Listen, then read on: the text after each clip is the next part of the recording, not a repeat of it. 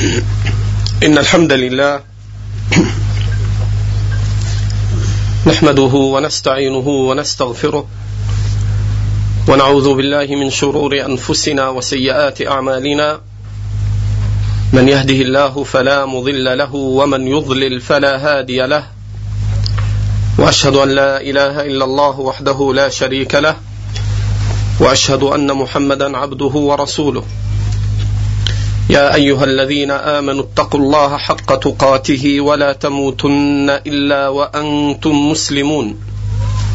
يا أيها الناس اتقوا ربكم الذي خلقكم من نفس واحدة وخلق منها زوجها وبث منهما رجالا كثيرا ونساء. واتقوا الله الذي تساءلون به والأرحام إن الله كان عليكم رقيبا. يا أيها الذين آمنوا اتقوا الله وقولوا قولا سديدا. يصلح لكم أعمالكم ويغفر لكم ذنوبكم. ومن يطع الله ورسوله فقد فاز فوزا عظيما. أما بعد. فقبل البدء إن شاء الله بمحاضرتنا الليلة نحمد الله أن جمعنا الله بكم وبالشيخ الفاضل فضيلة الشيخ بن رمزان حفظه الله ونفع الله به فحياه الله وأكرمه الله وأسأل الله أن يجعل قدومه قدوم خير. آمين وإياك الله جزاك الله خير.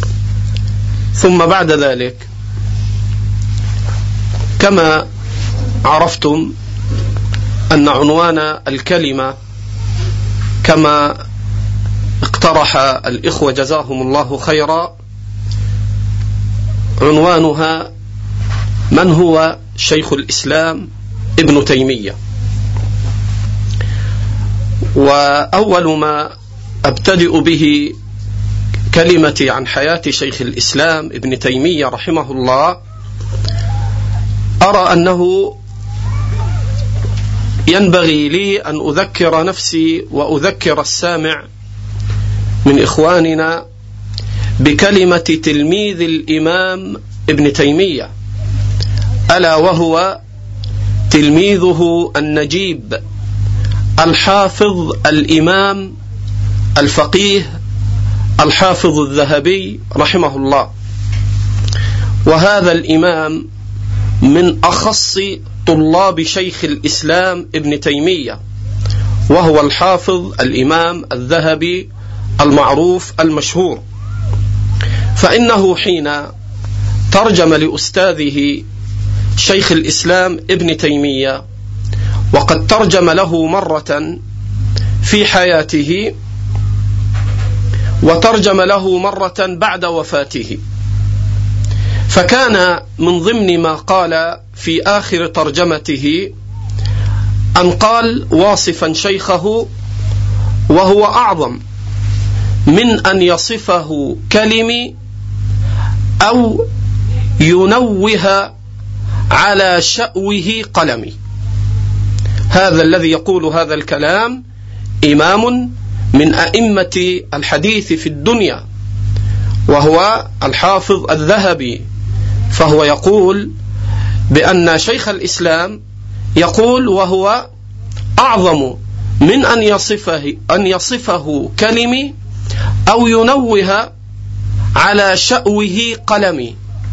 فإذا كان الحافظ الذهبي يرى أنه لا يقدر أن يوفي شيخه حقه في ترجمته. وما فتح الله على هذا الإمام العظيم ابن تيمية فالمساكين أمثالنا من باب أولى أن يتمثلوا بما قال الذهبي ولذلك أرى أن العنوان هو تجوزا وإلا شيخ الإسلام ابن تيمية لا يستطيع امثالي من الطلاب أن يعرف الناس من هو ابن تيمية ولكننا نذكر فوائد تستفاد من ترجمة هذا الإمام فرأيت أن أنبه على هذا. ابن تيمية رحمه الله هو شيخ الإسلام بحق وهو الإمام أحمد ابن عبد الحليم ابن عبد السلام ابن تيمية الحراني الدمشقي القاهري رحمة الله عليه. وهذا الإمام هو إمام ابن إمام ابن إمام. فإن والده عبد السلام فإن والده عبد السلام أحمد ابن عبد الحليم ابن عبد السلام والده عبد الحليم إمام من أئمة الحنابلة وفقيه من كبار فقهائهم. وجده عبد السلام إمام أيضا وله كتاب المنتقى. ولذلك يفرقون بين شيخ الإسلام ابن تيمية وهو أحمد وبين جده عبد السلام حين يذكرون جده يقولون ابن تيمية الجد. ليفرقوا بينه وبين ولد ولده وهو الإمام شيخ الإسلام ابن تيمية. وهؤلاء الأئمة الثلاثة أحمد وأبوه عبد الحليم وجده عبد السلام هؤلاء قد اشتركوا في مصنف معروف عند أهل العلم وطلاب العلم ألا وهو المسودة لآل تيمية. وهو كتاب اشترك في تأليفه هؤلاء الأئمة الثلاثة. الإمام ابن تيمية وهو أحمد وأبوه الإمام عبد الحليم وجده الإمام عبد السلام. شيخ الإسلام ابن تيمية ولد رحمة الله عليه في حران وهي معروفة باسمها إلى هذا الوقت. وهي مدينة تقرب من دمشق. ثم بعد ذلك غزا التتار بلاد المسلمين. فانتقل به والده عبد الحليم من حران إلى دمشق. وكان عمر شيخ الإسلام ابن تيمية في هذا الوقت ست سنوات رحمة الله عليه. فانتقل به والده إلى دمشق وهناك تربى شيخ الإسلام وترعرع في دمشق. لذلك هو دمشقي رحمه الله حياة ووفاة وتوفي في دمشق. ثم درس شيخ الإسلام ابن تيمية رحمة الله على أبيه واستفاد من علماء وقته واشتهر النسبة بالنسبة له اشتهرت نسبته إلى أمه فإن تيمية هي والدته وكانت عابدة زاهدة معروفة بالتقى فنسب إلى والدته واشتهر فيقال ابن تيمية نسبة إلى أمه. وأما نسبة تيمية في آل تيمية أبوه وجده أيضا ابن تيمية فهي الجدة الكبرى التي هي لهؤلاء العلماء ويقال بأن جدا من من أجداد شيخ الإسلام مر بتيماء فوجد صبية فرجع وقد وضعت زوجته بنتا فيقال بأنه سماها تيمية. فهذه العائلة تنسب إلى تيمية الأولى وهي التي تنسب إلى تيماء. وأيضا هو ينسب إلى والدته تيمية وهي والدة شيخ الإسلام. نشأ شيخ الإسلام وترعرع وطلب العلم وحفظ القرآن صغيرا وأجاده وجوده وحفظ القراءات ودرس على علماء القراءات وأخذ الحديث وصنف في أواخر عمره حين كبر أو بعد مدة من عمره وكان يكتب كتب الحديث وينسخها بيده فصار حافظة من حفاظ الزمان رحمة الله عليه. وقد أوتي هذا الإمام فقها وأوتي حفظا وذكاء حتى ذكر جماعة من الأئمة الذين ترجموا له من تلامذته أنه حين بلغ سبعة حين بلغ سبع عشرة سنة تأهل للإفتاء. يعني وهو شاب في السابعة عشر من عمره تأهل للفتوى رحمه الله ثم بعد ذلك بعدة سنوات توفي والده وشيخ الإسلام يزيد عن العشرين قليلا فخلف ابن تيمية والده رحمة الله عليهما في التدريس والعلم حتى أنه خلف والده في تفسير كتاب الله وكان هذا من أول اشتهار شيخ الإسلام اعتناؤه بالتفسير رحمه الله. وبدأت حياة شيخ الإسلام رحمة الله عليه. فكان الوقت الذي نشأ فيه شيخ الإسلام ابن تيمية قد ظهرت فرق الضلال وظهرت المقالات الباطلة وخفي معتقد السلف وظهرت البدع وكثر التصوف ومال الناس إلى المذاهب الباطلة من أشعرية وغيره. وظهر علم الكلام والفلسفة والمنطق وازداد ظهورا جليا في زمنه. فلما أن بلغ شيخ الإسلام رحمة الله عليه إلى أن بلغ عمره رحمة الله عليه عليه ستا وثلاثين سنة حتى رحمة الله عليه ألف كتب الاعتقاد وألف رحمة الله عليه رسالته المشهورة وهي رسالته الرسالة الحموية إلى غير ذلك.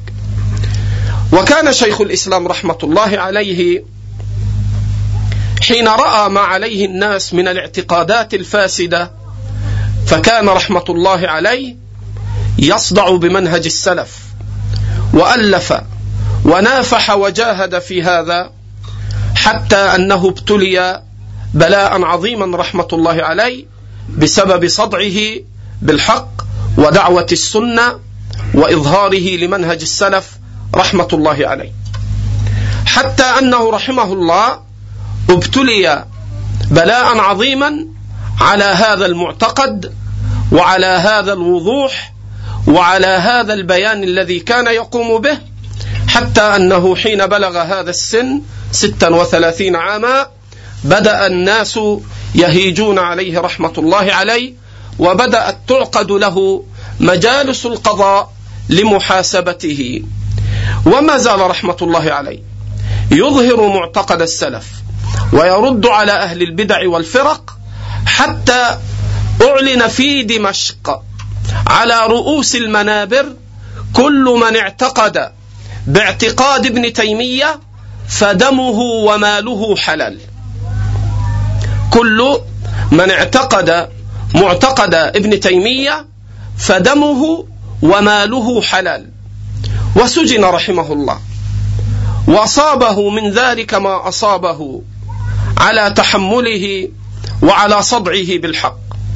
ثم رحمه الله لأسباب نزل مصر وهناك في مصر نشر اعتقاده وأعلن به فاجتمع به الفقهاء وشددوا عليه وأوزعوا إلى أمير مصر بأن يسجن شيخ الإسلام ابن تيمية رحمة الله عليه وقد كان فرحل رحمة الله عليه وسجن في القاهرة. ثم بعد ذلك رحل إلى الإسكندرية وسجن هناك. ثم بعد ذلك رجع إلى القاهرة وسجن مرارا رحمة الله عليه. وكان من طرائف ومواقف شيخ الإسلام ابن تيمية أنه في إحدى المرات حين أراد أمير مصر أن يسجنه دعاه. فلما رأى شيخ الإسلام وسمع كلامه رق له الأمير فقال له أخيرك بين ثلاث إما أن ترجع إلى دمشق وإما أن تذهب إلى ثغر الإسكندرية وإما أن تسجن. وكان مقصود الأمير من هذا العرض أنه لا يريد أن يؤذيه. حين رآه وسمع كلامه رق قلبه له. فخيره بين هذه الثلاث. فقال شيخ الإسلام بل السجن. وقد كان فسجن رحمة الله عليه في مصر وأبى أن يرجع إلى دمشق وأبى أن يذهب إلى ثغر الإسكندرية لكي يتقى شره حسب ما يرى الأمير حين يرى اعتقاده الباطل. فسجن شيخ الإسلام. وبعد سجنه بمدة رق له الأمير أمير مصر فدعاه من السجن وأخرجه. ثم قال له سلني من مالي أو سلني ما شئت من من المال أعوضك عما أصابك من الضرر في السجن. فقال شيخ الإسلام أيها الأمير أنا بخير وعافية وعندي من المال ما يعينك على سداد الثغور وعلى إعطاء الجند فأنا أعطيك من مالي حتى يفتح الله عليك فتسدني من هذا المال. يقول بعض الأئمة كان شيخ الإسلام من أزهد الناس في الدنيا. وكان له رحمة الله عليه مواقف جليلة. كان مجاهدا رحمة الله عليه. فحين قدم التتار القدمة الثانية إلى بلاد دمشق. وكان شيخ الإسلام ابن تيمية في هذا الوقت يعيش في بلاد مصر. وقد ترك, ترك دمشق ما يقرب من سبع سنين. واستقر في بلاد مصر. ونفع الله بهذا الإمام فلما غزا وأراد التتار أن يغزوا دمشق في الغزوة الثانية ارتحل شيخ الإسلام رحمة الله عليه من مصر حتى قدم دمشق ليقاتل ويجاهد ضد التتار. وهناك كانت الوقعة في رمضان فكان شيخ الإسلام يدور على الأمراء وعلى الجند وبيده كسرة خبز ويقول أفطروا فإن الفطر أقوى على عدوكم. وكان يقول إنكم منصورون. فكانوا يقولون له قل إن شاء الله. فكان يقول إن شاء الله تحقيقا لا تعليقا. من يقينه وصدقه بأن الله سبحانه وتعالى سينصر عباده. وقد كان ولما وقعت الواقعة ووقع الغزو نصر الله عز وجل أهل الإسلام على التتار وكان يقود المسلمين أمراؤهم وكان معهم شيخ الإسلام ابن تيمية رحمة الله عليه. فعظم شأنه جدا في دمشق وارتفع قدره حتى وشى به الواشون إلى بعض السلاطين فدعاه ذاك السلطان فقال له إنهم يقولون بأن الناس يسمعون لكلامك وأنك تسعى إلى الملك. فغضب الإمام ابن تيمية غضبا شديدا. وكان رحمة الله عليه حين ذكر الذهبي ترجمته قال كان تعتريه حدة فكان شيخ الإسلام ابن تيمية تعتريه حدة في بعض المواقف. فاحتد وقال بأعلى صوته والله إن ملكك وملك آبائك وأجدادك لا يسوى عندي فلسين. فلما سمع منه السلطان ذلك اطمأن السلطان وسر قلبه. ثم بعد ذلك حين أظهر رحمه الله اعتقاده ورد على الأشاعرة ورد على أهل البدع ورد على الفلاسفة ورد على المناطق ورد على الصوفية وألف كتبا كثيرة في الردود. فشيخ الإسلام هو مثال من الأمثلة العظيمة التي تربت تلك المدرسة وربت أبناءها على الردود على أهل البدع.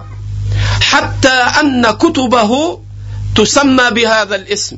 نزل إلى مصر وهناك في بلدة في مصر تسمى إخنا بالكسر وإن كان بعضهم ينطقها بالفتح فرد على الإخنائي ورد على الشاذلي على الشاذلية وعلى طرقها ورد رحمة الله عليه على ابن عربي الضال ورد على الأشاعرة ورد رحمة الله عليه على الفلاسفة وألف رحمة الله عليه كتبه التي تدل على جهاده. ومع عظيم شأن هذا الرجل فإن شيخ الإسلام تلميذه وهو الإمام ابن القيم ينقل كلمة عجيبة في كتابه مدارج السالكين. يقول ابن القيم إن أعظم ما ينفع الصادق أن لا أن لا يرى نفسه شيئا. إن أعظم ما ينفع الصادق أن لا يرى نفسه شيئا. قال ابن القيم وقد رأيت من شيخنا قدس الله روحه. من ذلك ما لم أرى لأحد غيره. فإني كنت أسمعه دائما يقول لست بشيء وما أنا بشيء ولا في شيء. يعني يستقل نفسه. بل ينقل ابن القيم كلاما بعد ذلك قال وسمعته يقول ما زلت أجدد إسلامي فإني لا أرى أنني أتيت بالإسلام الجيد أو لا أرى إسلامي جيدا. هكذا يتهم شيخ الإسلام ابن تيمية نفسه رحمه الله. ثم بعد ذلك حين أظهر اعتقاده في دمشق جمع له من جمع من أهل الاعتقاد المخالفين لما عليه السلف من الأشاعرة وغيرهم حتى امتحن شيخ الإسلام وسجن ومكث دهرا في سجنه ولقي ما لقي رحمة الله عليه. ثم بعد ذلك أخرج. وتكلم رحمة الله عليه في بعض المسائل الفقهية وأعيد إلى سجنه مرة أخرى. فسجن مرات في دمشق وسجن مرات في مصر وسجن مرات في الإسكندرية. وامتحن رحمة الله عليه إلى أن مات رحمه الله وهو في السجن في قلعة دمشق وتوفي رحمة الله عليه سنة سبعمائة وثمان وعشرين وكان قد بلغ سبعا وستين سنة رحمة الله عليه. فلو أننا أردنا أن نقف على بعض الأمور التي تدل على قدر هذا الإمام رحمة الله عليه فإنه رحمه الله حين امتحن ورد على أهل البدع والضلال فكان رحمة الله عليه لا ينتصر لنفسه حتى أنه كان يقول قال إن أحمد حين امتحن قال كل من آذاني فهو في حل إلا صاحب بدعة. قال شيخ الإسلام وكنت أقول كل من آذاني فهو في حل ما اتبع السنة. وكان رحمة الله عليه حين رد على المخالفين له في الاعتقاد فكان يعذرهم بجهلهم وكان يقول رحمة الله عليه وكنت أقول لهؤلاء إنني لو قلت بقولكم لكفرت إنني لو قلت بقولكم لكفرت فإني أعلم أن ما تقولونه كفر. ولكني لا أكفركم فإني أعلم أنكم تجهلون أنه كفر. وهذا يدل على أن صاحب السنة تضبطه أصول السنة لا ينعكس في ردود أفعاله من مجازات الناس بالمثل وإنما هو الدين وإنما يتكلم في الناس ويجرح من يجرح ديانة كما دخل الرجل على الإمام أحمد. قال يا أبا عبد الله ما تقول في فلان؟ قال كذاب. قيل يا أبا عبد الله إنه ابن عمي. قال أحمد وإن كان إنما هو الدين. إنما هو الدين. فكان رحمة الله عليه ألف كتبه العظيمة رحمة الله عليه ومن أجل كتب شيخ الإسلام حين رد على الرافضة ورد على ابن طاهر الحلي ابن مطهر الحلي ورد رحمة الله عليه على أصحاب مدارس الفلسفة فألف كتابه صريح المعقول وصحيح المنقول موافقة صريح المعقول وصحيح المنقول. وألف رحمة الله عليه منهاج السنة النبوية في الرد على الرافضة وعلى ضلال الرافضة. وألف رحمه الله كتبه في الاعتقاد الواسطية والحموية وألف رحمة الله عليه في الرد على الصوفية وعلى ضلالهم إلى غير ذلك وجمعت رسائله فيما طبع في زماننا وهو كتابه الذي يقع في خمسة في خمس وثلاثين مجلد وهو مجموع فتاوى شيخ الإسلام ابن تيمية. ثم بارك الله لهذا العالم في تلامذته. فكان من ثمرة هذا العالم الجليل تلميذه شيخ الإسلام بل وأقرب تلامذته إليه ألا وهو شيخ الإسلام ابن القيم رحمه الله حامل علم شيخ الإسلام ابن تيمية. فهذه فوائد عارضة. أحببت أن أنبه على بعضها. وقد احتطت لنفسي في أول البحث. وذكرت بأن ترجمة شيخ الإسلام ابن تيمية يرجع إلى المطولات. ومن أفضل من ترجم له تلميذه الإمام ابن عبد الهادي رحمة الله عليه. كذلك تلميذه الحافظ الذهبي. أسأل الله أن يوفقنا وإياكم. وأن يسددنا وإياكم على الحق. والله أعلم.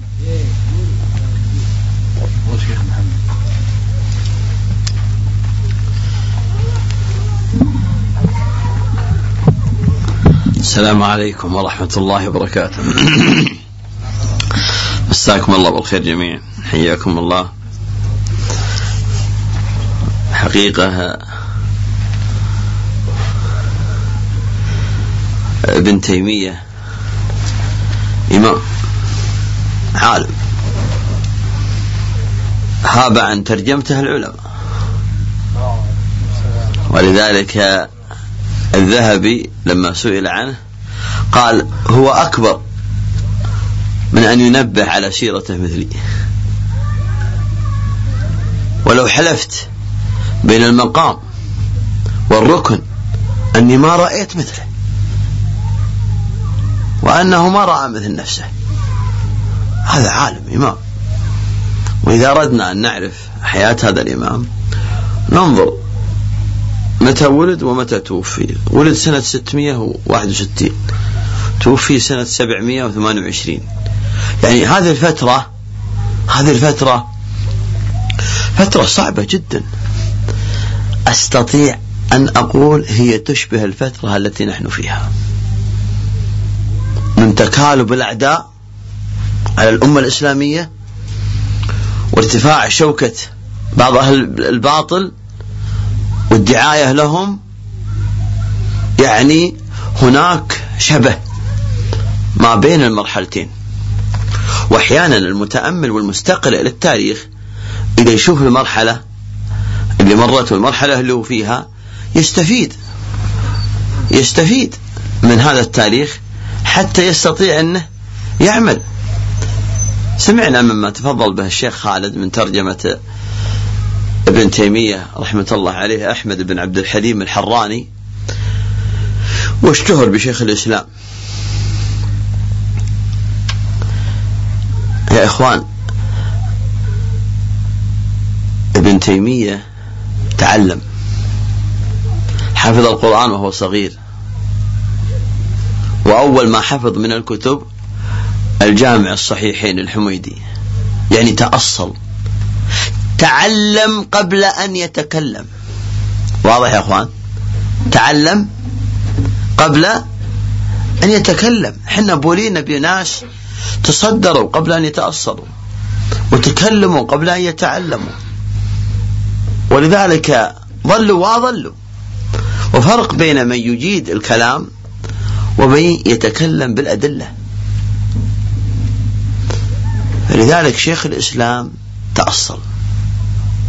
وهنا الفرق في طالب العلم عندما يبدأ بداية صحيحة.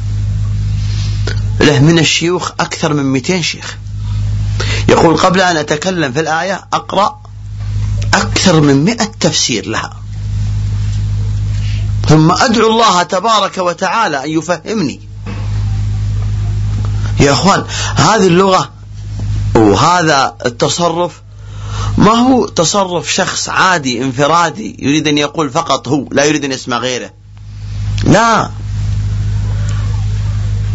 اللي تعلم من أكثر من 200 شيخ نزعة التعصب للأفراد هذه ما هي عنده.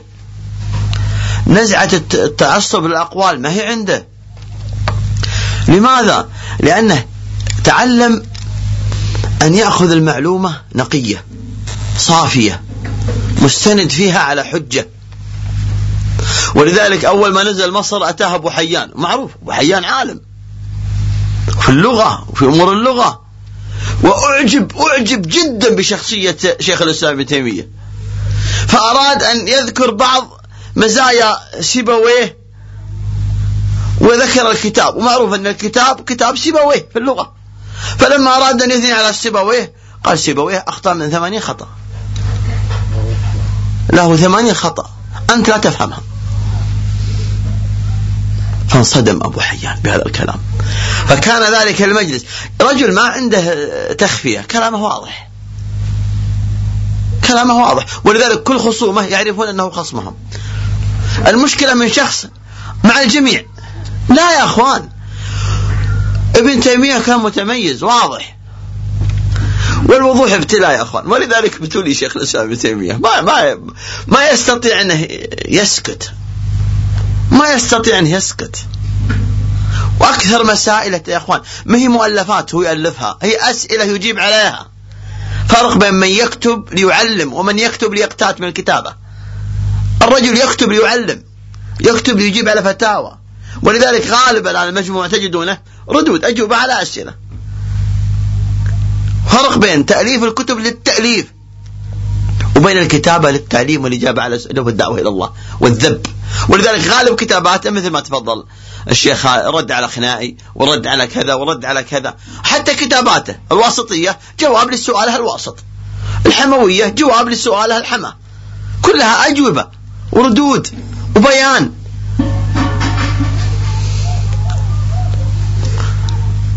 كل أهل البدع فنت شبههم دل التعارض الرد على المنطق الرافضة ائتوا لي بطائفة من الطوائف لم يبين حالها وأهل حق لم يسندهم ويساعدهم في عصره وزمانه والله لولا يقال إني عندي شيء من الغلو ولا أقول الشيخ ربيع شيخ شيخ هو ابن تيمية عصره. الشيخ ربيع والله ابن تيمية عصره. واللي يقال ما يقال. حقيقة. الرجل بين الحق. حتى الجهاد وهو الجهاد معروف تاريخه في أفغانستان وفي أموره. لما كان هناك ما يسمى جهاد. التتار بين حالهم. ونصح وحث السلاطين على جهادهم. بل تكلم بكلام الواثق. ولذلك ممن ترجموا له ماذا يقولون؟ قال هو قوي التوكل على الله. من ذكره قوي التوكل دائم الذكر. انظروا يا إخوان مددين مسألتين. مهمة. مهمة جدا. قال قوي التوكل دائم الذكر. وهنا عندما تكون الحجة ليس فيها نوع من الاعتماد على فصاحة اللسان والقدرة الكلامية والملكة في صياغة المفردات. لا. أن يكون فيها لغة صادقة. فيها النصيحة فيها الإشفاق فيها محبة إيصال الحق للخلق دون الالتفات عما يقال من قادح أو مادح. وهذه كانت لغة من؟ كانت لغة شيخ الإسلام ابن تيمية في طرحه. لغة الناصح لغة الواضح. ولذلك جميع من خالفوه شهدوا له بالعلمية والملكة العلمية والقدرة في إيصال المعلومة. ومع ذلك حصل منهم عدم القبول لما قد تأصل في نفوسهم من التعصب. للمدارس التي نشأوا فيها والأمور التي قد تعلموا منها. حورب الرجل. شيخ الإسلام حورب. نعم سجن. لكن سجن لكما يحتج البعض اليوم في مسألة السجن. ويقال هذا شيخ الإسلام سجن. هذا الإمام أحمد سجن.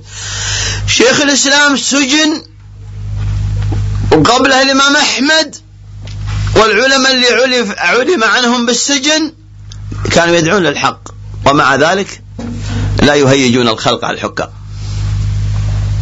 وهم مسجونين يعرفون الحاكم قدره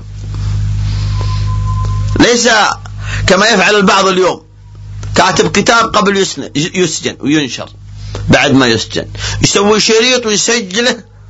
على أساس لو سوى شيء كتاب من خلف القضبان أو شريط من خلف القضبان لا ومع ما يحصل لهم من أذى من حكام زمانهم في وقتهم إلا أنهم كانوا يجمعون قلوب العامة على ولاة أمرهم.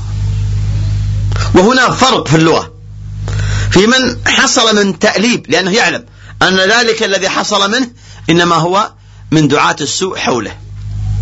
ولذلك يقول في وقت زمانه مفتي المالكية قال ما من مسألة إلا وسعينا أن يقتل فيها ابن تيمية. ولكن لما ناله الأمر ما رأينا كعفوه فقد عفى عنا. قد عفى عنا. لما مكن وقال له ماذا تريد فهؤلاء؟ وكان يريد أن يفتيه بقتلهم لأنهم كانوا سببا في عزله وتولي من تولى. ومع ذلك لم يستجيب في جناب نفسه إنما قال العفو. العفو عن هؤلاء فيما وقعوا فيه. ولذلك قوة في الحق ورحمة للخلق وبيان للحقيقة وعدم الصمت. ابن تيمية مدرسة مدرسة إلى الآن إلى الآن. مدرسته المباركة يستفيد الناس منها. وإذا قيل قال ابن تيمية علم أنه من المحققين من أهل العلم. مجتهد عالم إمام. لا أحد يماري. وإن قيل فيه ما قيل. قالوا حدة وقالوا أشياء كثيرة. ما يعيب. ما يعيب. حدة في الحق. ولذلك ممن ترجم له قال فيه حدة يضبطها بحلمه. فيه حدة يضبطها بحلمه.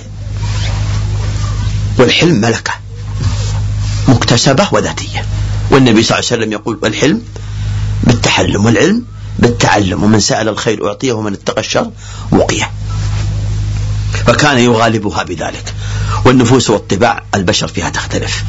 ولكن حريص حريص على أن يصل الحق صافي واضح لا تشوبه شائبة. وحيثما كان يقول بالحق سجن. فتحول السجن إلى مدرسة. كانوا يلعبون فيه الشطرنج ويلعبون فيه اللهو ولا يقيمون الصلاة. فيسجن فيحول ذلك السجن إلى مدرسة. فيتحولون إلى طلبة علم. وإن بعضهم ليصدر في حقه عفو وإخراج ولا يرضى بالخروج بقاء مع شيخ الإسلام. يخرج لماذا؟ وهو في مجلس علم. ضايقوه فعلوا به ما فعلوا. وكان لا يمنع منه المداد ولا تمنع منه الكتب ويقرأ ويناظر ويبحث ويجيب على الأسئلة وهو في سجنه. حتى أتى آخر أمره فأوقفوا منه الكتب وأوقفوا حتى أصبح يكتب بالفحم. بالفحم. فلما أوقفوا منه كل شيء مات شيخ الإسلام. مات شيخ الإسلام. حياته بالعلم. إلى أن مارسوا معه آخر شيء عزل من كل شيء. ثم قال مقولته المشرورة ماذا يفعل أعداء بي؟ أنا جنتي في صدري سجني خلوة قتلي شهادة وإخراجي سياحة. كلمة خالدة انطلقت تتكلم بها الأفواه. فأصبحت مثلا يضرب شائعا في الناس. ماذا يعمل أعدائي بي؟ ماذا يصنع بي أعدائي؟ ولذلك عندما تتحول المحنة إلى منحة وعندما تتحول المضايقة إلى سعة وعندما تتحول الاتهامات إلى أدلة إثباتات هنا يكون الخير وانتشاره في الناس. هنا يكون الخير وانتشاره في الناس. هنا يضيق الأعداء عندما يكون مكر الليل والنهار. مكر الليل والنهار والله لقد كادوا له بكل أنواع الفجور. ومع ذلك ثابت كالطود العظيم. جبل أشم. تتكسر المعاول على صرخاره فلا يستطيعون أن يبلغوا منه شيء. تتبع المتتبعون وأرادوا أن يجدوا. ومع ذلك عادوا بالخيبة. وهكذا. هكذا. دعاة الحق في كل زمان وفي كل عصر. أنا أشكر من اختار هذا العنوان. والحقيقة أنا بالأمس القريب بلغني هذا وطلب مني المشاركة. ولا مانع عندي. أزور إخواني وأشاركهم وتذاكر أنا وإياهم واستفيد منهم. لكن ابن تيمية يقول الذهبي هو أكبر من أن أنبه على سيرته. هو أكبر من أن أنبه على سيرته. عالم من علماء الأزهر.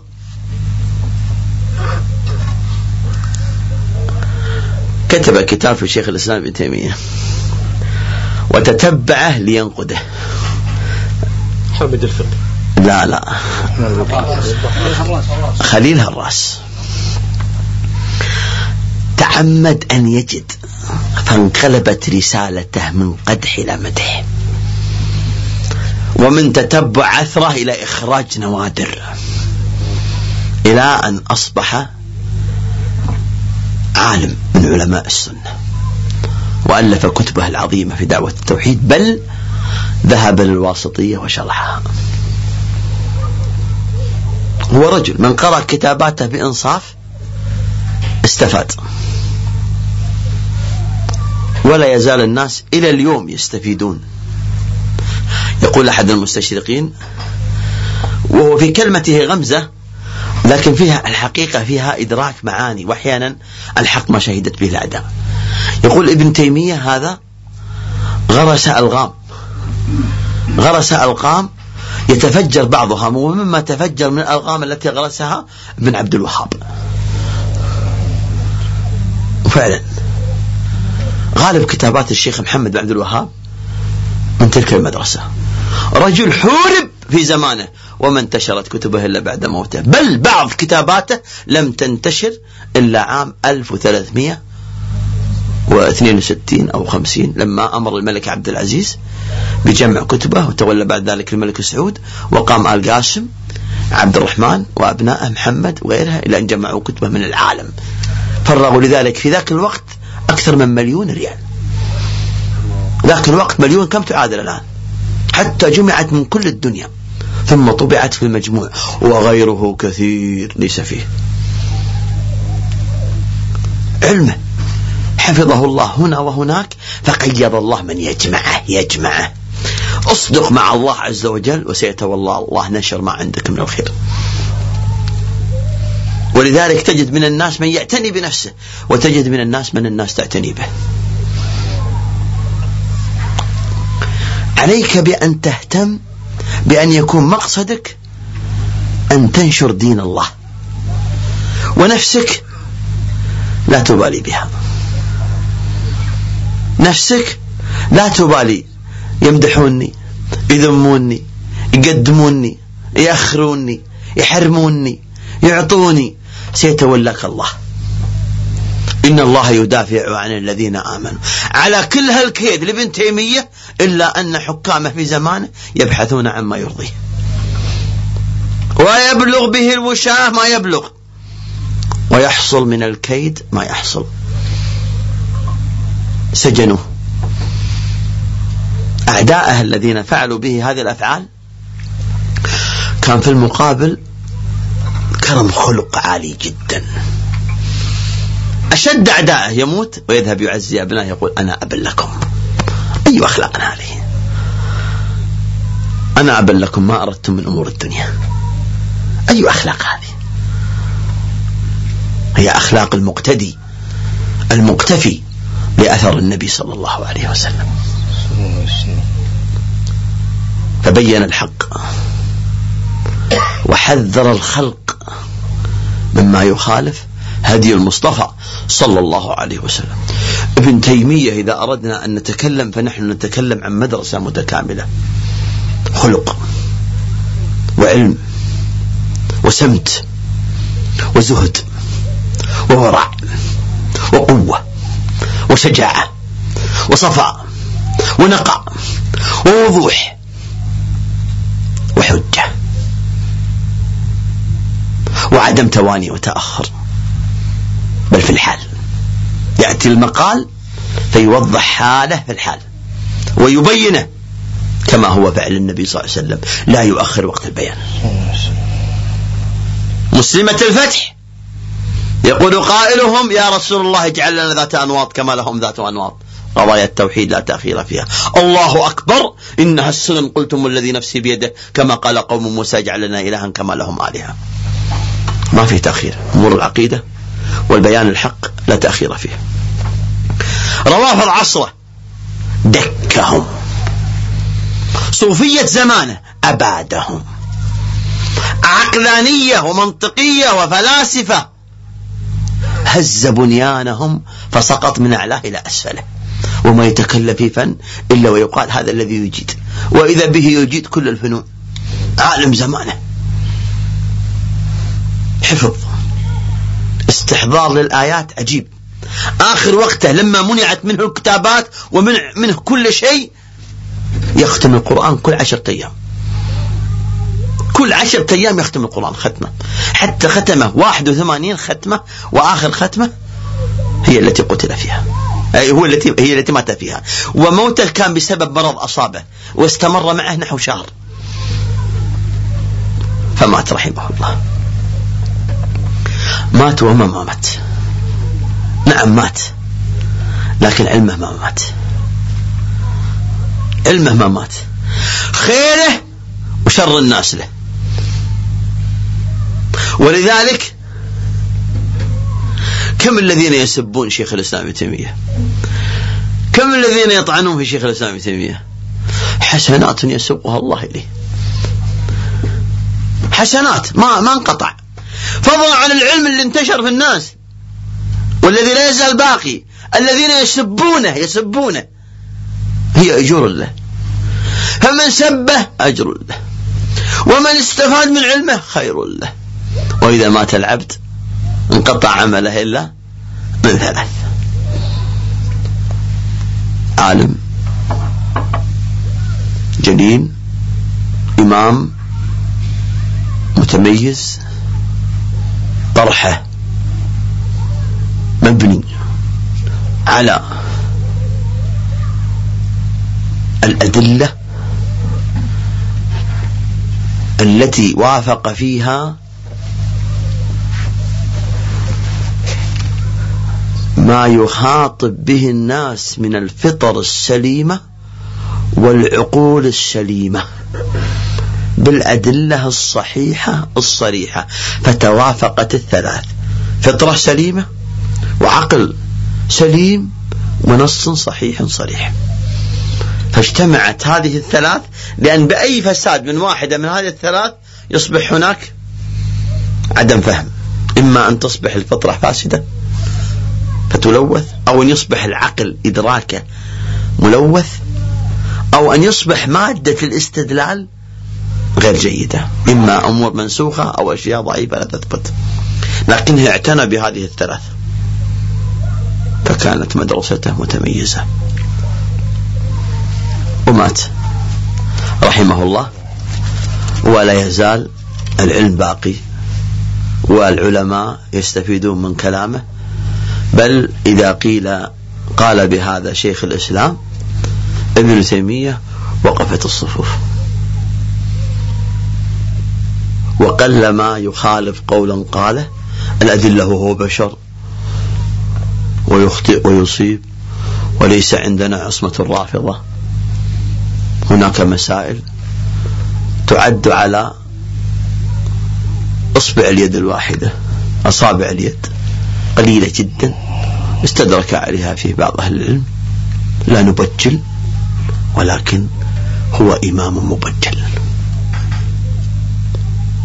رحمه الله وغفر الله له وتجاوز عنه وحشرنا معه مع محمد صلى الله عليه وسلم وصحبه. جعل الله وإياكم كذلك وبالله التوفيق. صلى الله وسلم على محمد. والآن مع الشيخ أحمد السبيعي وفقه الله. بعد الله. يأيدك باب ولا زين؟ لا زين.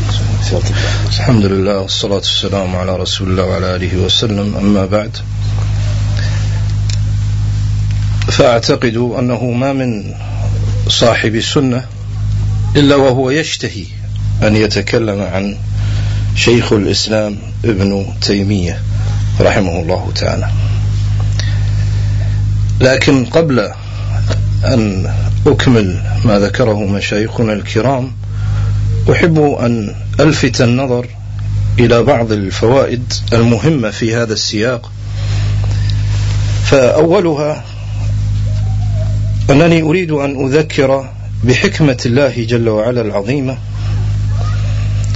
حيث أن ربنا جل وعلا اقتضت حكمته سبحانه وتعالى أن يكون رسله للناس من جنسهم بشر مثلهم. كما قال الله تعالى وما أرسلنا قبلك إلا رجالا نوحي إليهم. وقال الله تعالى وما أرسلنا قبلك من المرسلين إلا إنهم ليأكلون الطعام ويمشون في الأسواق وجعلنا بعضكم لبعض فتنة. أتصبرون؟ وكان ربك بصيرا. وقال الله جل وعلا ولو نزلنا عليك كتابا في قرطاس فلمسوه بأيديهم لقال الذين كفروا إن هذا إلا سحر مبين وقالوا لولا أنزل عليه ملك ولو أنزلنا ملكا لقضي الأمر ثم لا ينظرون. ولو جعلناه ملكا لجعلناه رجلا وللبسنا عليهم ما يلبسون. فحكمة الله تبارك وتعالى أن يكون الرسل بشر من جنس البشر. ليسوا ملائكة. ولذلك فربنا جل وعلا يقرر في محكم التنزيل أن الأنبياء عليهم الصلاة والسلام من الممكن أن يبدر منهم في غير تبليغ الرسالة شيء من الخطأ لإثبات بشريتهم وكذلك حتى يكرمهم الله جل وعلا بتلكم العبادة العظيمة الجليلة وهي التوبة إلى الله جل وعلا. إذا جئت إلى هذه المسألة هنا ونظرت في طريقة أهل البدع فتجد أنهم مضطربين شر اضطراب. فإما من يسلك مع الأنبياء مسلك النصارى فيقدسهم تقديس المسيح عيسى بن مريم عليه الصلاة والسلام ومنهم غير ذلك. والمقصود أن حكمة الله أن يكون الرسل بشر. الأنبياء عليهم الصلاة والسلام ختموا بمحمد صلى الله عليه وآله وسلم. يقول النبي صلى الله عليه وسلم أنا خاتم الأنبياء. طيب بعد الأنبياء ماذا يوجد؟ يوجد العلماء. العلماء الأنبياء لم يورثوا دينارا ولا درهما ولكن ورثوا هذا العلم. العلماء ورثة الأنبياء. إذا حكمة الامتحان ببشرية العلماء ونقصهم تستمر بعد الأنبياء عليهم الصلاة والسلام. فالعلماء غير معصومين لكن لا بد للأمة من أن ترجع إليهم. إذا فحين نتخير أو يتخير الإخوان هذا الإمام العالم الذي لا يسبق إلى الأذهان حين يطلق شيخ الإسلام إلا هو رحمه الله تعالى. فهل هذا من باب القصص أو من باب ما يجنح إليه أهل البدع من التفكه ومن الموضوعات التي يملؤون فيها فراغ الناس ويستطردون إلى أشياء تنسي المقصود الأكبر من التعبد لله ومن تعلم أحكامه ومن الإقبال عليه جل وعلا؟ طبعا الجواب لا. فهنا ينبغي أن ينتبه إلى أن ذكر فضائل العلماء إلى أن ذكر فضائل العلماء ومعرفتهم ومعرفة مراتبهم هو من الدين ومن السنة. ولذلك مثلا قال الطحاوي رحمه الله تعالى فأهل الفقه والأثر وأهل فأهل العلم والأثر وأهل الفقه والنظر لا يذكرون إلا بالجميل ومن ذكرهم بسوء فهو على غير السبيل. وهذا أمر واضح مستفيض في هدي سلفنا الصالح رحمه الله تعالى. يحضرني بهذا الصدد أن تلاميذ عبد الله بن المبارك رحمه الله تعالى كانوا يعددون فضائله حتى بلغوا مئة. والإمام أحمد رحمه الله يثني على الشافعي وهذا أمر مضطرد عند السلف الصالح. كل كتب السنة يذكر فيها أعيان العلماء ويذكر فضائلهم. فهذا من الدين لأنه أخذ من هدي النبي صلى الله عليه وسلم. النبي صلى الله عليه وسلم يقول خير الناس قرني ثم الذين يلونهم ثم الذين يلونهم. إذا فمعرفة فضائل العلماء ومراتبهم وإشاعتها في الناس هذا يحقق مقصودا شرعيا عظيما وفائدة كبيرة وهي أن الناس يوالونهم ويحبونهم وأن يعرف الفضل لأهله وأن يرجع إليهم وأن يصدر عن رأيهم فكل هذا مصلحته تتحقق بمعرفة العلماء وفضلهم والاعتراف بذلك وإشاعة ذكره. ألا ترى أن شيخ الإسلام ابن تيمية رحمه الله تعالى في بعض المواضع حين ذكر لماذا يتفشى التشيع أو الرفض في بعض البلادين. فذكر علة واضحة. قال البلاد التي لا يذكر فيها فضائل أصحاب رسول الله صلى الله عليه وسلم معنى كلامه تكون مهيئة لأن يهجر ذكرهم ولاؤهم ومحبتهم.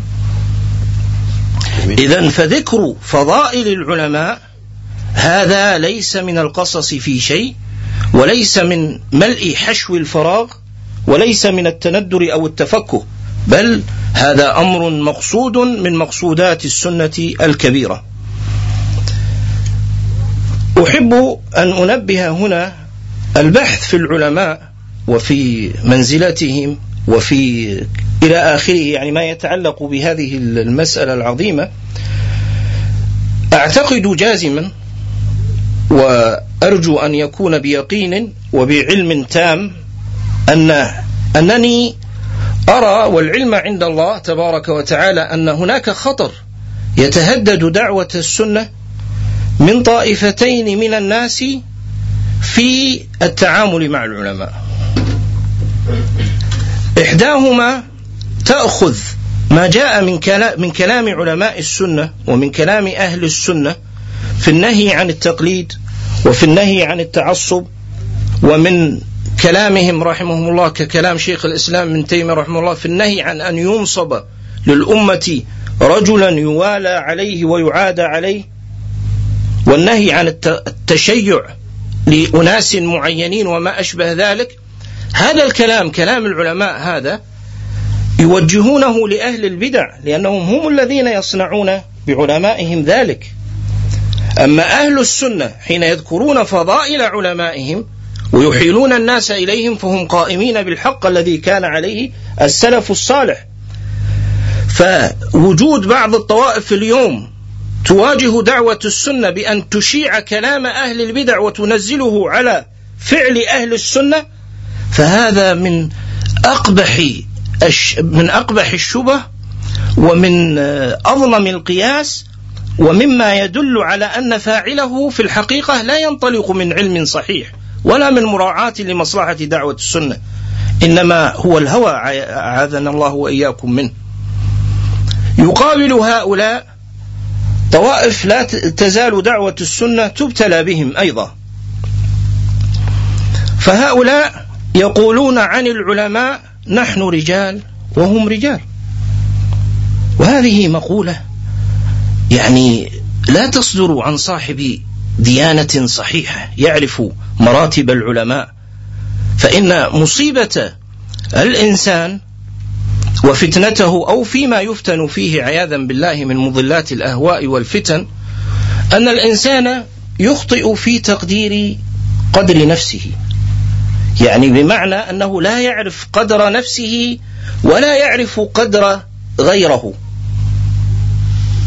فهذه من المصائب العظيمة التي كانت منفية تماما في زمن السلف الصالح رحمهم الله تعالى.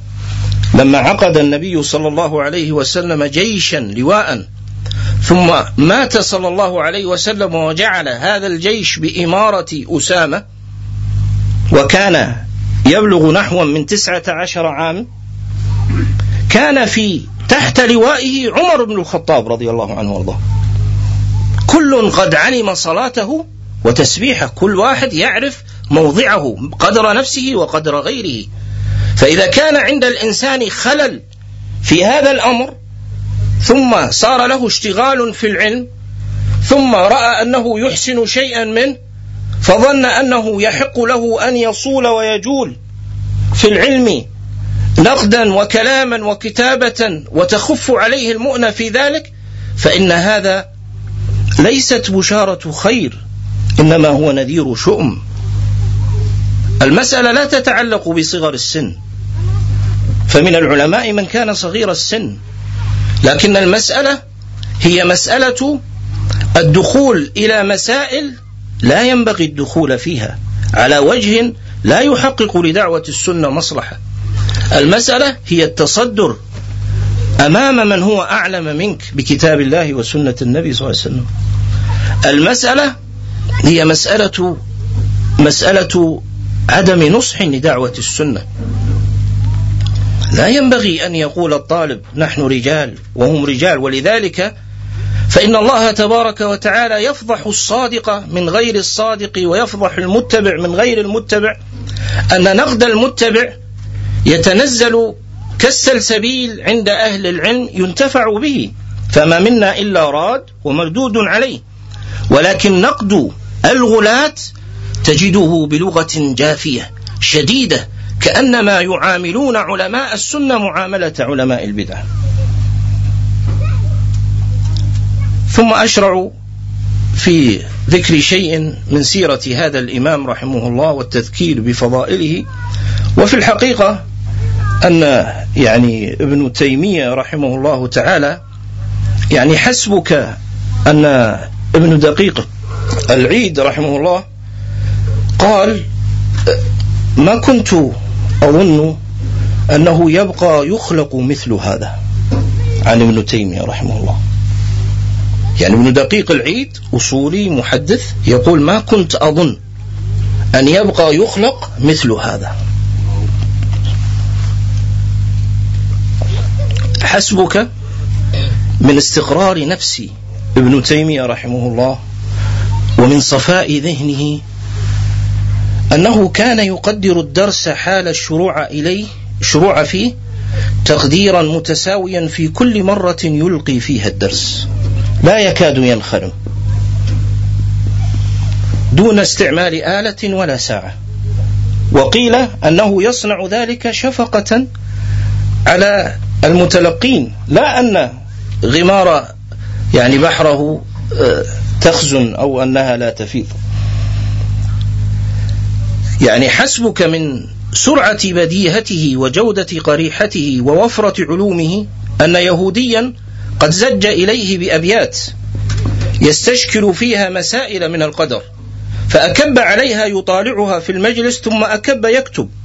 يقول تلاميذه ما كنا نظن أنه سيكتب نظما فكتب نظما نحوا من 180 بيتا على البديهة يرد فيها على هذا الرجل ولا يؤخر الرد. وتعمده لأن ينظم في مقابل النظم فيه فائدة وهو أن صاحب السنة من السياسة الشرعية قد يتدنى إلى أسلحة القوم وأساليبهم حتى يبين قدرته عليها. فيكون ذلك أعظم في الإبكات وإقامة الحجة. حسبك من سيرة هذا الإمام رحمه الله تعالى أنه لما كان في الكتاتيب عمد والده إلى الشيخ الذي يقرئه القرآن فوضع في كفه صرة فيها نحو من أربعون درهم. وقال له تعطيها الشيخ. ابن تيمية صبي أربعين درهم في ذاك الوقت. فلما أعطاه إياها أبى أن يأخذها وقال عاهدت ربي ألا أخذ على القرآن شيئا. وهو صبي رحمه الله تعالى. هذا الإمام رحمه الله تعالى خلق في زمان قد اكفهر فيه يعني وجه السنة وعظمت فيه ظلمة البدع. وكان له سياسة حكيمة جدا في معالجة بدع زمانه لا يلتفت إليها يعني بعض الناس وهو أنه رحمه الله لم يكن هديه المصادمة الجارحة والعبارات الشنيعة إنما كان رحمه الله تعالى يعني أقصد من حيث الجملة خاصة في باب التصوف فقد كان يسوق القوم إلى الهداية إلى السنة من جهة أنه يأتي ببعض كلام أئمة التصوف المعتبرين عندهم حتى يقودهم ويردهم إلى الحق ردا جميلا رحمه الله تعالى. وليس في هذا غضاضة بل هذا من مقتضى الحكمة. إن مما يميز علم شيخ الإسلام ابن تيمية رحمه الله تعالى ثلاث. الأولى الأولى أن بحوثه المطولة أو المختصرة سواء كان في مناقشته للملاحدة أو الفلاسفة أو إلى غير ذلك ارجع اقرأ وانظر. ستجد أن مبنى البحث هو أقوال السلف الصالح رحمه الله تعالى. حتى لو كان البحث فيه استطراد في الاستدلالات العقلية أو كان فيه استطراد في الاصطلاحات فمرجع علمه لأنه رحمه الله تعالى قال ما نبل من نبل في هذه الأمة إلا بالاعتصام بالسنة والرجوع إلى السلف الصالح. فهل تراه يصف من يصف بالنبل بهذه الخصيصة وينساها في حق نفسه؟ رحمه الله تعالى. كلا وألف كلا. فميزة هذا الإمام أنه يبني كلامه حتى في المطولات. انظر إلى تلبيس الجهمية. تجد يأتي بأقوال الأئمة. ثم يستطرد في البحث مع القوم. وبلسانهم حتى يتم حجة الله عليهم. من ميزة هذا الإمام العظيمة والتي تشق على كثير من أهل العلم. والحمد لله من فضل الله تبارك وتعالى أن الله جل وعلا قد جعل أمره ونهيه ودينه يبنى على قدرة الإنسان فهذا من رحمة الله. وهو أن شيخ الإسلام ابن تيمية رحمه الله كان عاملا بالسنة مجاهدا عليها. حتى قيل في بعض تراجمه أن مجلسه يحضره النساء والرجال الصغار والكبار. وكان يخالط كافة أنواع الناس.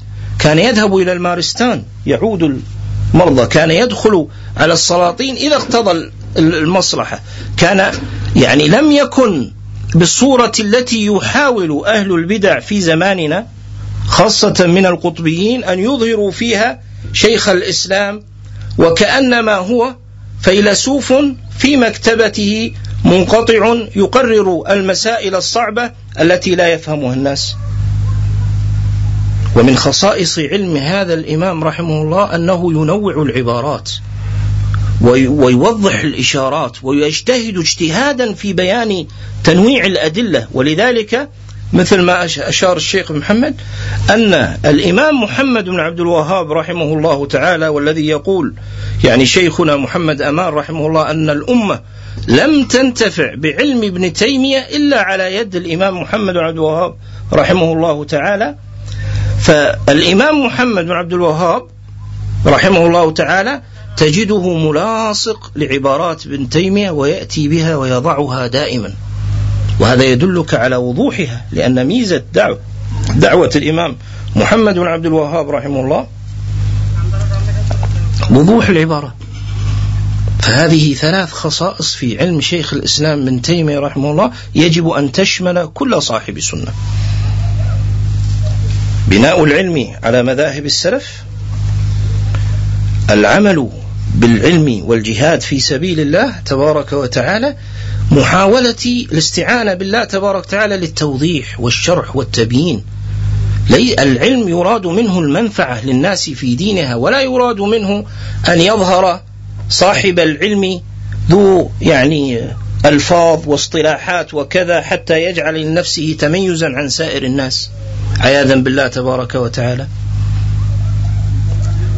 وأحب أن أقرأ عليكم عبارة شيخ الإسلام ابن القيم رحمه الله لم يعني يمهلني الوقت أن أحفظها التي يبين فيها رحمه الله تعالى أن سبب هدايته هو شيخ الإسلام ابن تيمية رحمه الله. فيقول رحمه الله يا قوم والله العظيم نصيحة من مشفق وأخ لكم معواني جربت هذا كله ووقعت في تلك الشباك وكنت ذا طيران حتى أتاح لي الإله بفضله. من ليس تجزيه يدي ولساني. حبر أتى من أرض حران فيا أهلا بمن قد جاء من حران. فالله يجزيه الذي هو أهله من جنة المأوى مع الرضوان. أخذت يداه يدي وسار فلم يرم. حتى أرى فلم يرم حتى أراني مطلع الإيمان. وهي في نونيته رحمه الله تعالى. فهل شيخ الإسلام ابن القيم غالي في ابن تيمية؟ هل شيخ الإسلام ابن القيم متعصب لابن تيمية؟ هل شيخ الإسلام ابن القيم نصب رجلا عاد ووالى عليه؟ هذا هدي السلف مع علمائهم.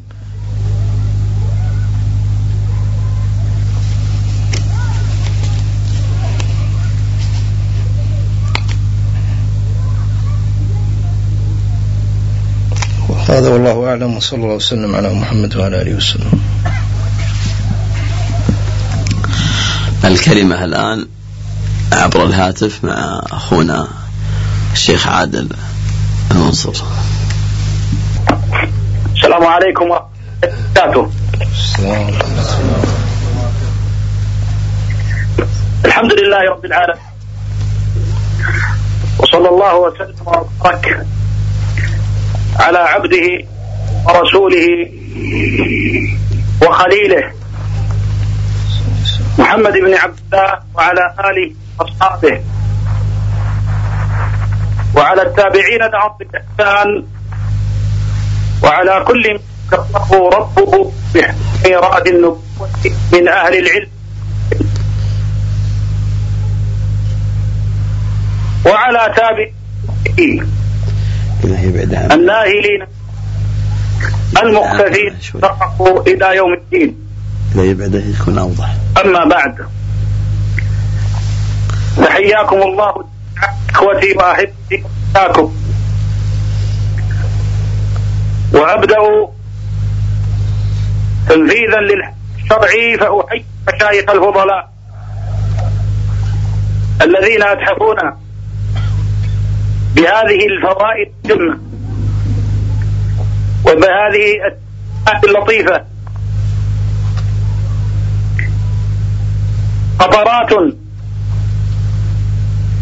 من سيرة عطرة لإمام زاهد مقر محتسب بذل وقته ولسانه نصرة دين الله. تبارك وتعالى ألا وهو الإمام أنت كله يبعد عن أبو العباس أحمد. شوي شوي يبعد عن ابن عبد الحج ابن عبد السلام ابن تيمية الحراني رحمة الله عليه. رحمة واسعة. شيخ أبو العباس شوية توخر الميكروفون عنك حتى يكون الصوت واضح إذا تكرمت. جزاك الله خير. ثم ما أسمعك. أحيي الإخوة. ما وصل الحاضرين. وأسلم عليكم عليكم السلام. وثم الذين يستمعون هذه المادة عبر هذه الناقلة. والحقيقة أن حديث ثلاث فقط الله. لم يبق لي من المادة ما أتكلم عنه. يا حج والله من الأخوان. فكلما زوقت منهم. أن أتحدث؟ جانب من جوانب الحياة وسيرته وعلمه إذا بأحد شارك يأخذ ذلك الجانب مبرزا له وموضحا إياه. وليس ذلك لأن اللسان في ترجمة الإسلام رحمه وذكر الحج ونقاط ما في حياته العلمية العقلية ولكن لطاعة المتحدث شاء الله تعالى. أن أتحدث عن على وجه وإلا فسيرته قد زبرت في مطولة أم ولم يزل ولا يزال الناس يكتبون حول حياته بجوانبها حول تجديد وحول علمه وحول مجاهدة الباطل ودعوته. فأقول أيها الكرام لقد ذكر الفضلاء الثلاثة. واتفقوا على ذكر معنى هام من معالم حياته وسيرته ألا وهو الذب عن السنة والرد على أهل الفتنة والباطل في جميع أصنافهم. قربوا أم بعدوا؟ ولا بد من بعض الأشياء أو الأمور التي كان يزيد عليها وتكتنف هذه الحدود العظيمة التي هي الآن حجج لأهل السنة يضربون بها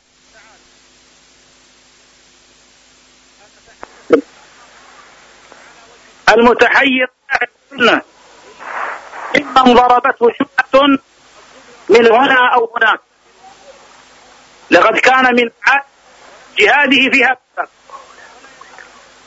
بعد إرادة والله حسيب. ونشر الحق وهداية الخلق كما كان يصف السنة دائما أنهم أعلم بالحق وأنهم أرحم خلق بل هم أرحم أهل بعض ببعض ومن أهل الباطل لبعض لأنهم ينظرون من منطلق السنة وما كان عليه السلف الصالح ينطلقون من شريعة الله الذي وصل نفسه كما في دعاء الكريم الكليم. موسى عليه السلام ربنا وسعت رحمة وعلما. قال ابن القيم الآذان كلما اتسع دائرة علم الإنسان كلما اتسعت رحمته أي العلم؟ قال الله تبارك وتعالى. أولا كان إذا رد على مخالف مهما بلغت فإنه يرد كلامه بنص وأوجب هذا على ردوده لمصالحها وطالب بها أن يفعلوا معه كما تجده مقدمة رده على الإخلاء. فإن لم يقدر الخصم أن يدخل كلام شيخ الإسلام في نصه طالبه له بمعنى يؤدي ذلك الفصل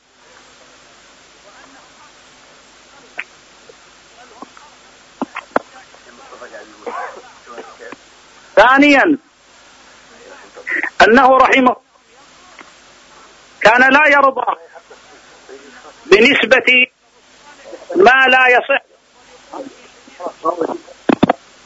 لا يرضى بما لا يصح إلى المخالف الذي يرد عليه. وهذا واضح في نقده لبعض ما ينقل من الأقوال عن الفرق. كالكرامية في مبحث الإيمان لمن شاء أن يقرأه وكرده وتوضيحه حال الشهرستاني في ملله لما ينقل أقوالا عن فرق غير متحر فيما ينقله عنها. كل هذا من العدل الذي أمر الله به وأمر به رسوله صلى الله عليه وعلى آله وسلم وهو القائل رحمه الله كما في الجواب الصحيح إن الله تعالى حرم الظلم على كل أحد لكل أحد في كل حال. ابن تيمية لم يجاهد هؤلاء كلهم إلا بعلم غزير وشجاعة نادرة وعدل وإنصاف. وابن تيمية الذي تزخر المكتبة الإسلامية بردوده على الفرق الضالة بأنواعهم. هو الذي زبر الفتاوى. كان يرجع إليه الناس من العامة والخاصة ليأخذوا منه الفتاوى في جميع أبواب الدين في الصلاة والصيام والزكاة والحج والطلاق والنكاح والبيوع. وهذا مجموع الفتاوى. واد فسيح بسيط مبسوط من شاء أن ينظر فيه نظر. إن دعوته وتجديده كان كاملا شاملا نافعا للعباد في عقائدهم ونافعا لهم في عباداتهم ونافعا لهم في معاملاتهم. فلم يكن مقتصرا على جانب دون جانب. صحيح أنه أولى الرد على أهل البدع والأهواء جهدا عظيما لعظيم خطرهم. وعموم انتشارهم إلا أنه لم يخلي المباحث الأخرى في الدين من البيان والشرح والإيضاح والإجابة على أسئلة من شاء من أراد أن يسأل. هكذا ينبغي أن يكون السني. الذي يريد أن يحمل لواء السنة الناس سيحتاجون إلى من يفتيهم في عباداتهم ومعاملاتهم وأحكامهم. فلا بد أن نعلم أن هذه الطريقة التي كان عليها شيخ الإسلام وكذلك من جاء بعده من المجددين رحمهم الله تعالى. شيخ الإسلام ابن تيمية لم يكن يرضى بالحلول التي فيها تعمية الحق. لم يكن يرضى بالحلول التي يمكن أن نقول عنها استسلامية. فها هو في مناظراته مع ألو... في مناظراته في المجالس. التي عقدت له من أجل عقيدة العقيدة الواسطية. نسبت العقائد كما تقدم في كلمة الشيخ أبي عبد الرحمن محمد بن رمزان الهاجري حفظه الله إلى هذه البلدان لأن أهلها سألوا عنها. ولا أعلم كتابا اسمه عقيدة ابن تيمية. يؤلف هو ويقول هذه عقيدتي. إن هذا أمر في غاية الأهمية أن نعلم أن عقيدة ابن تيمية المزبورة والمكتوبة ليست عقيدته وحده ولا اختياره وترجيحاته إنما هي عقيدة سلف هذه الأمة كلهم بل عقيدة الأنبياء والمرسلين ما جاء به الأنبياء والرسل وخصوصا خاتمهم محمد صلى الله عليه وعلى آله وسلم. فلما عجز المناظرون له من أهل الأهواء والبدع وفتروا عن مناظرته عرضوا عليه حلا يعتبرونه وسطا ينهي القضية. فقالوا له أنت رجل حنبلي. قل هذه عقيدة أحمد وفض النزاع. اخلص وتخلص مما يطاردك هنا وهناك. مما جر عليك من البلاء والسجن والإبعاد. قل هذه عقيدة أحمد وأنت رجل حنبلي ويرتفع الخلاف وترتفع مجالس المناظرة ومجالس القضاء. أبى ثم أبى ثم أبى. يقول ليست عقيدة أحمد هذه وحده. هذه عقيدة الأئمة كلهم. هذه عقيدة السلف الصحابة والتابعين وتابعيهم. ليست عقيدة أحمد. لم يرضى بهذا العقل الذي يؤثر على الحق وعلى وضوحه وصفائه مقابل أن يسلم من الأذى وعقد المجالس له. إذا ابن تيمية لا يرضى بهذه الحلول. كما أن ابن تيمية لا يرضى أن يكون مطية تحقق من خلاله مآرب. فلما اجتمع أولئك الذين نقل بعض الأشياخ حفظهم الله كلمة وأنه يقول حاولنا أن نقتل ابن تيمية مرارا وكمرات وكرات فلما قدر علينا عفا. لقد أراد الأمير الذي أخرج ابن تيمية من السجن. وكان له عداء لأولئك العلماء الذين وقفوا ضد ابن تيمية وآذوه وكانوا سببا في سجنه كابن الزملكاني وغيره.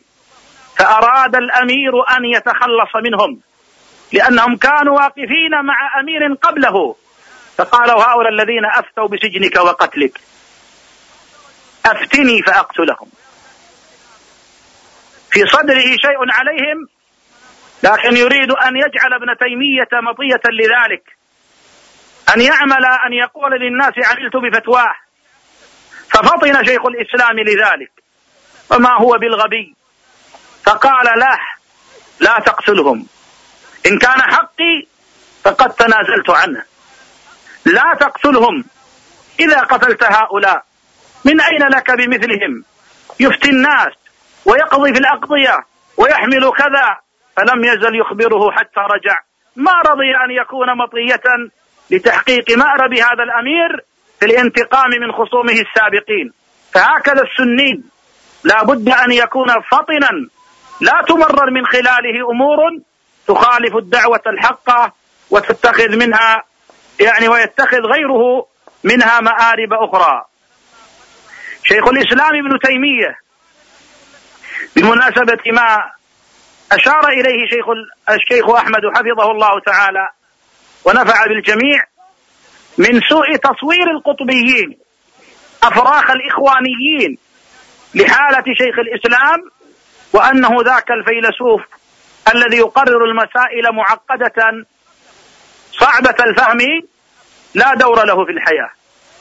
إن هذا الذي ذكره الشيخ عنهم ها هو كبير من كبرائهم وهو أبو الأعلى الموجود في كتابه ورسالته تجديد الدين. تعرض لتجديد ابن تيمية ومدحه في تجديده في العقيدة وفي تجديده في الفقه وعدم التعصب وفي تجديده في السلوك في المسمى بالسلوك والرد على غلاة أهل التصوف وانحرافاتهم.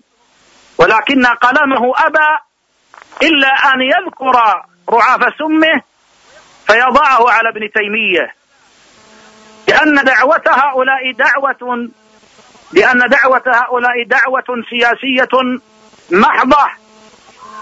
يرون الوصول إلى الحكم هو أعلى أنواع العبادة بل هو العبادة التي خلق الخلق لها كما صرح بذلكم المودودي نفسه.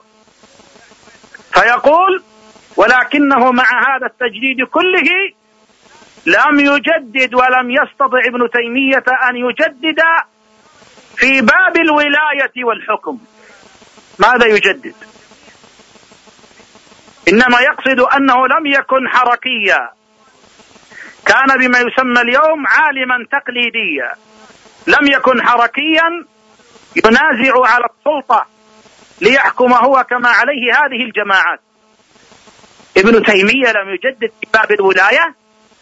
إن أراد تجديد الأحكام وبسطها ألم يقرأ هذا الرجل السياسة الشرعية وغيرها من مصنفات شيخ الإسلام؟ إن ابن تيمية وقف من ولاة زمانه الموقف الشرعي. وقف ناصحا لا منازعا. وقف ناصحا لا غاشا.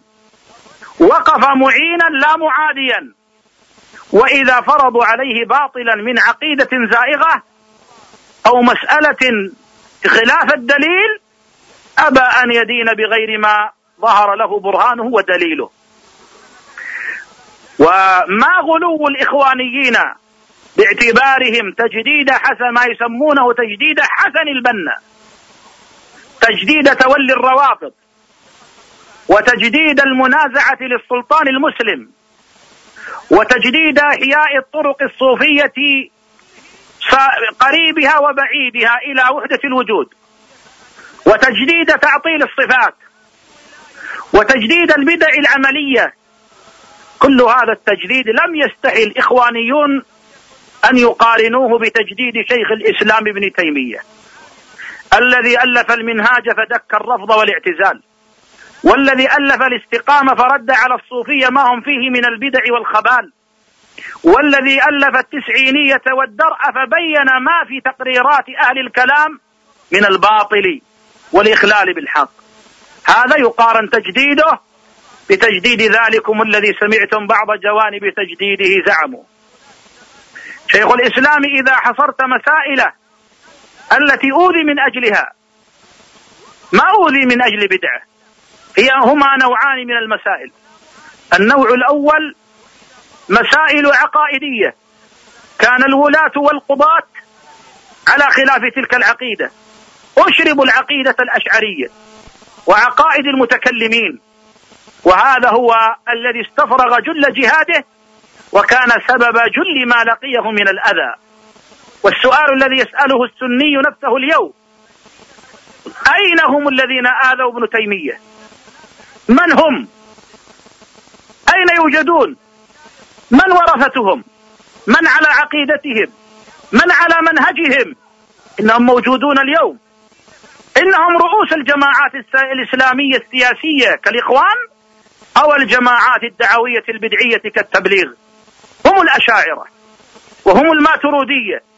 ولكن لما قدر تلاميذ ابن تيمية الذين تتلمذوا على كتبه الذين تتلمذوا على مؤلفاته. أصحاب التجديد في القرن الثاني عشر. شيخ الإسلام محمد بن عبد الوهاب وتلاميذه وإلى اليوم.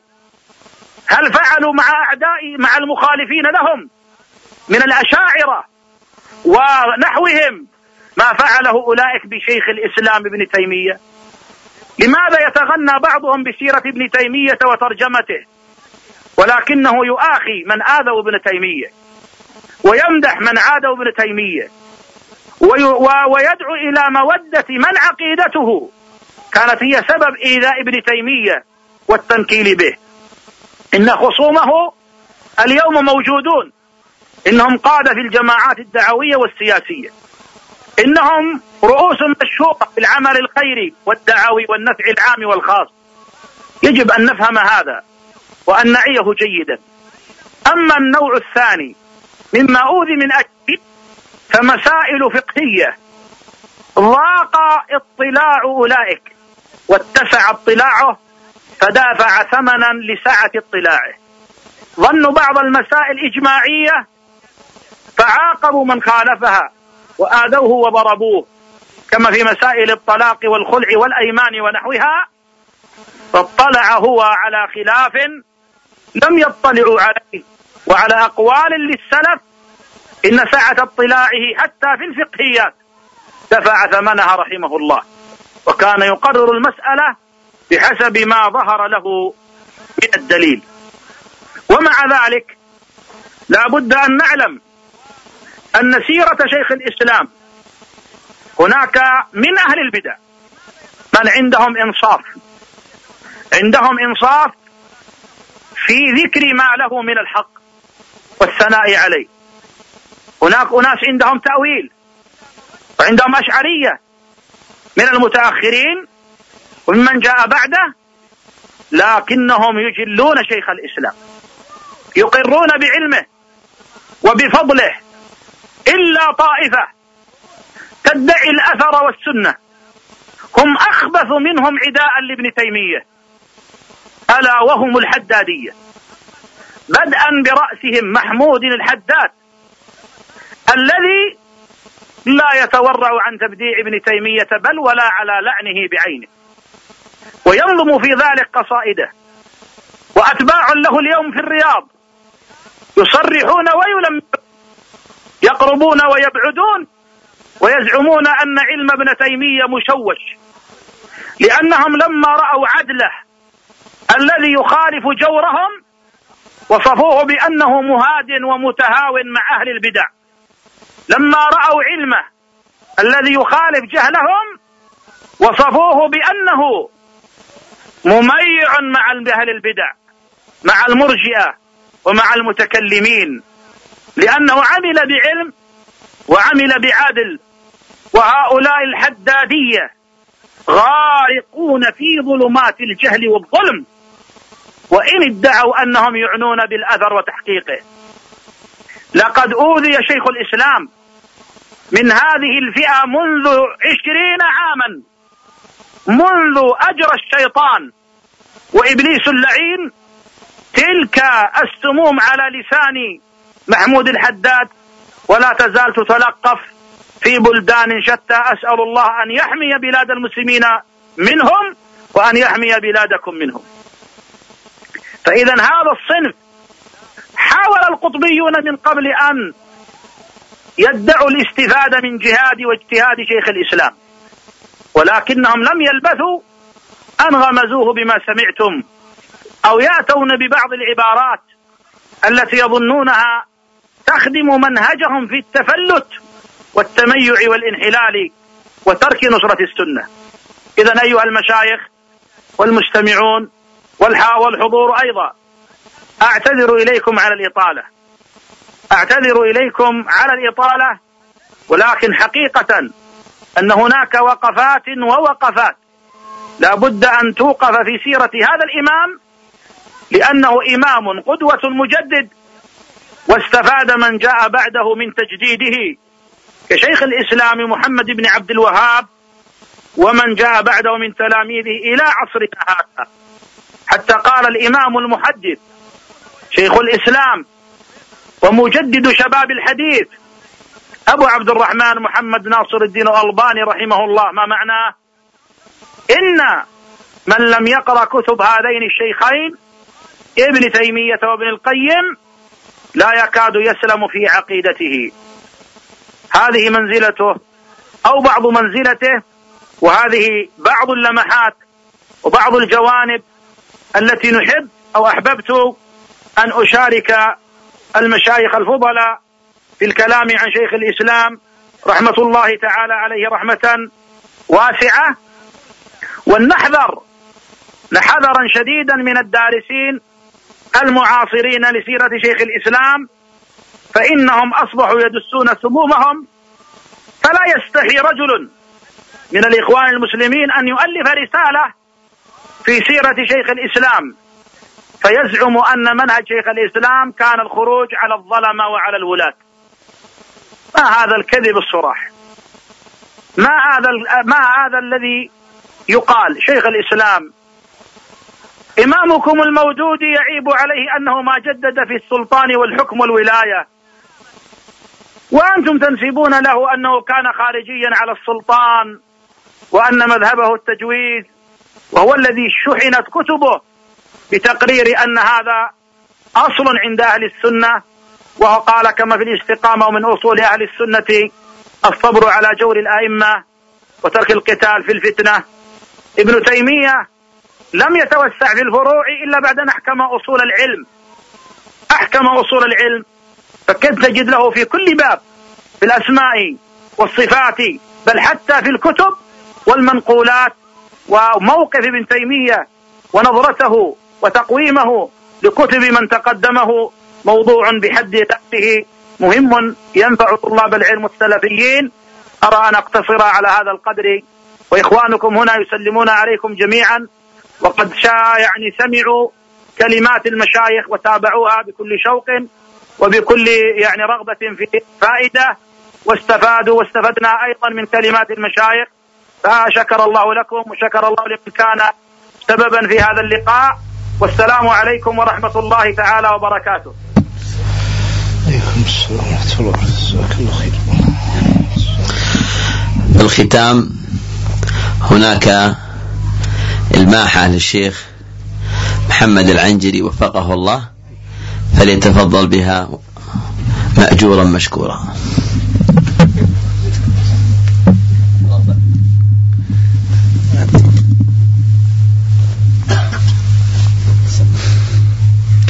بسم الله والحمد لله والصلاة والسلام.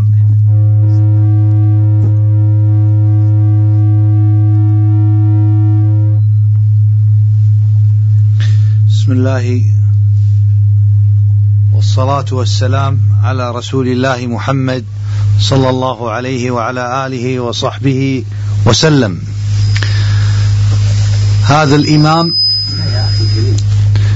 كان له الفضل العظيم على من جاء بعده. فلقد أكرمنا الله عز وجل بمصنفاته. وكما قال المشايخ حفظهم الله. هذا الإمام مرجع أهل السنة في مسائل الاعتقاد وفي مسائل أصول السنة. حيث بين وأوضح الحق لجميع طل... لجميع طبقات طلبة العلم. وكانت المادة مبسوطة بطريقة كان لها الانتشار في الأمة. بل أصبح كتاب ابن تيمية هو الكتاب الأول من حيث البيع في جميع دول العالم الإسلامي. ولم يكن هذا إلا بفضل من الله تعالى. وليكن معلوم أن كتاب ابن تيمية بعد وفاته ممنوع ويسعى إلى تدميره وإلى إحراقه ومنعه. ولكن بفضل من الله جاء اناس هم في ظهور آبائهم أن خرجوا إلى هذه الدنيا وكانت خزائن ابن تيمية السبب أو من الأسباب العظيمة في تجديد الحق وبيانه وإظهاره. وهذا جاء بفضل من الله عز وجل. وقدر قدره الله عز وجل. وها نحن نجتمع على ذكر مآثر هذا الإمام. فأسأل الله عز وجل أن يجمعنا وإياه مع المصطفى محمد صلى الله عليه وسلم وصحبه. وأسأل الله عز وجل أن يجزي المشايخ خير الجزاء على ما تفضلوا به وأقول قولي هذا وأستغفر الله لي ولكم وجزاكم الله خيرا.